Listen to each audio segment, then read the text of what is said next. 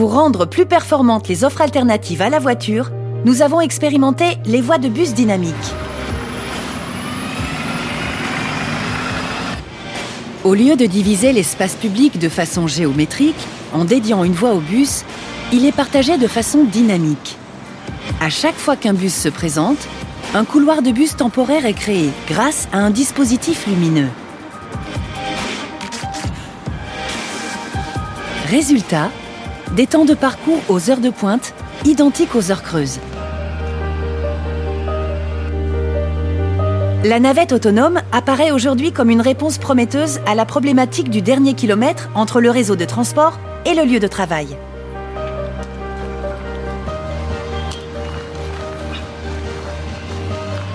Sans chauffeur, synchronisé avec les horaires des transports en commun, coordonné avec les feux de circulation, la navette autonome, c'est la promesse d'une utilisation à la demande, à toute heure de la journée, tout en restant économiquement viable.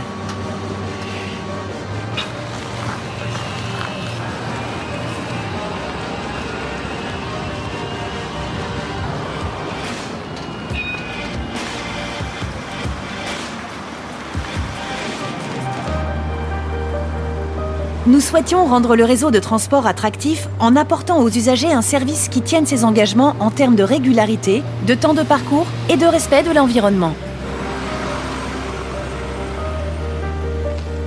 200 carrefours à feu prioritaire ont été réalisés dans un délai très court.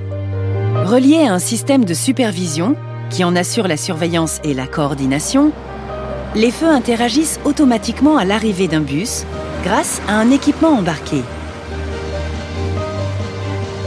Ainsi prioritaires, ces bus à haut niveau de service peuvent optimiser leur temps de parcours.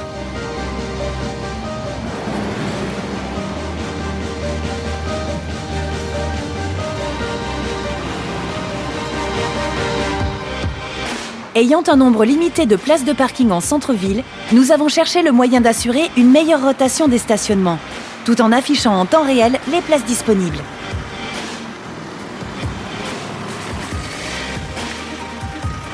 L'implantation de capteurs sur les places de parking permet de renseigner en temps réel les usagers et les agents municipaux. À l'échelle de la commune, cette gestion dynamique du stationnement apporte une réponse immédiate au centre-ville encombré et aussi à long terme grâce à l'étude des données collectées.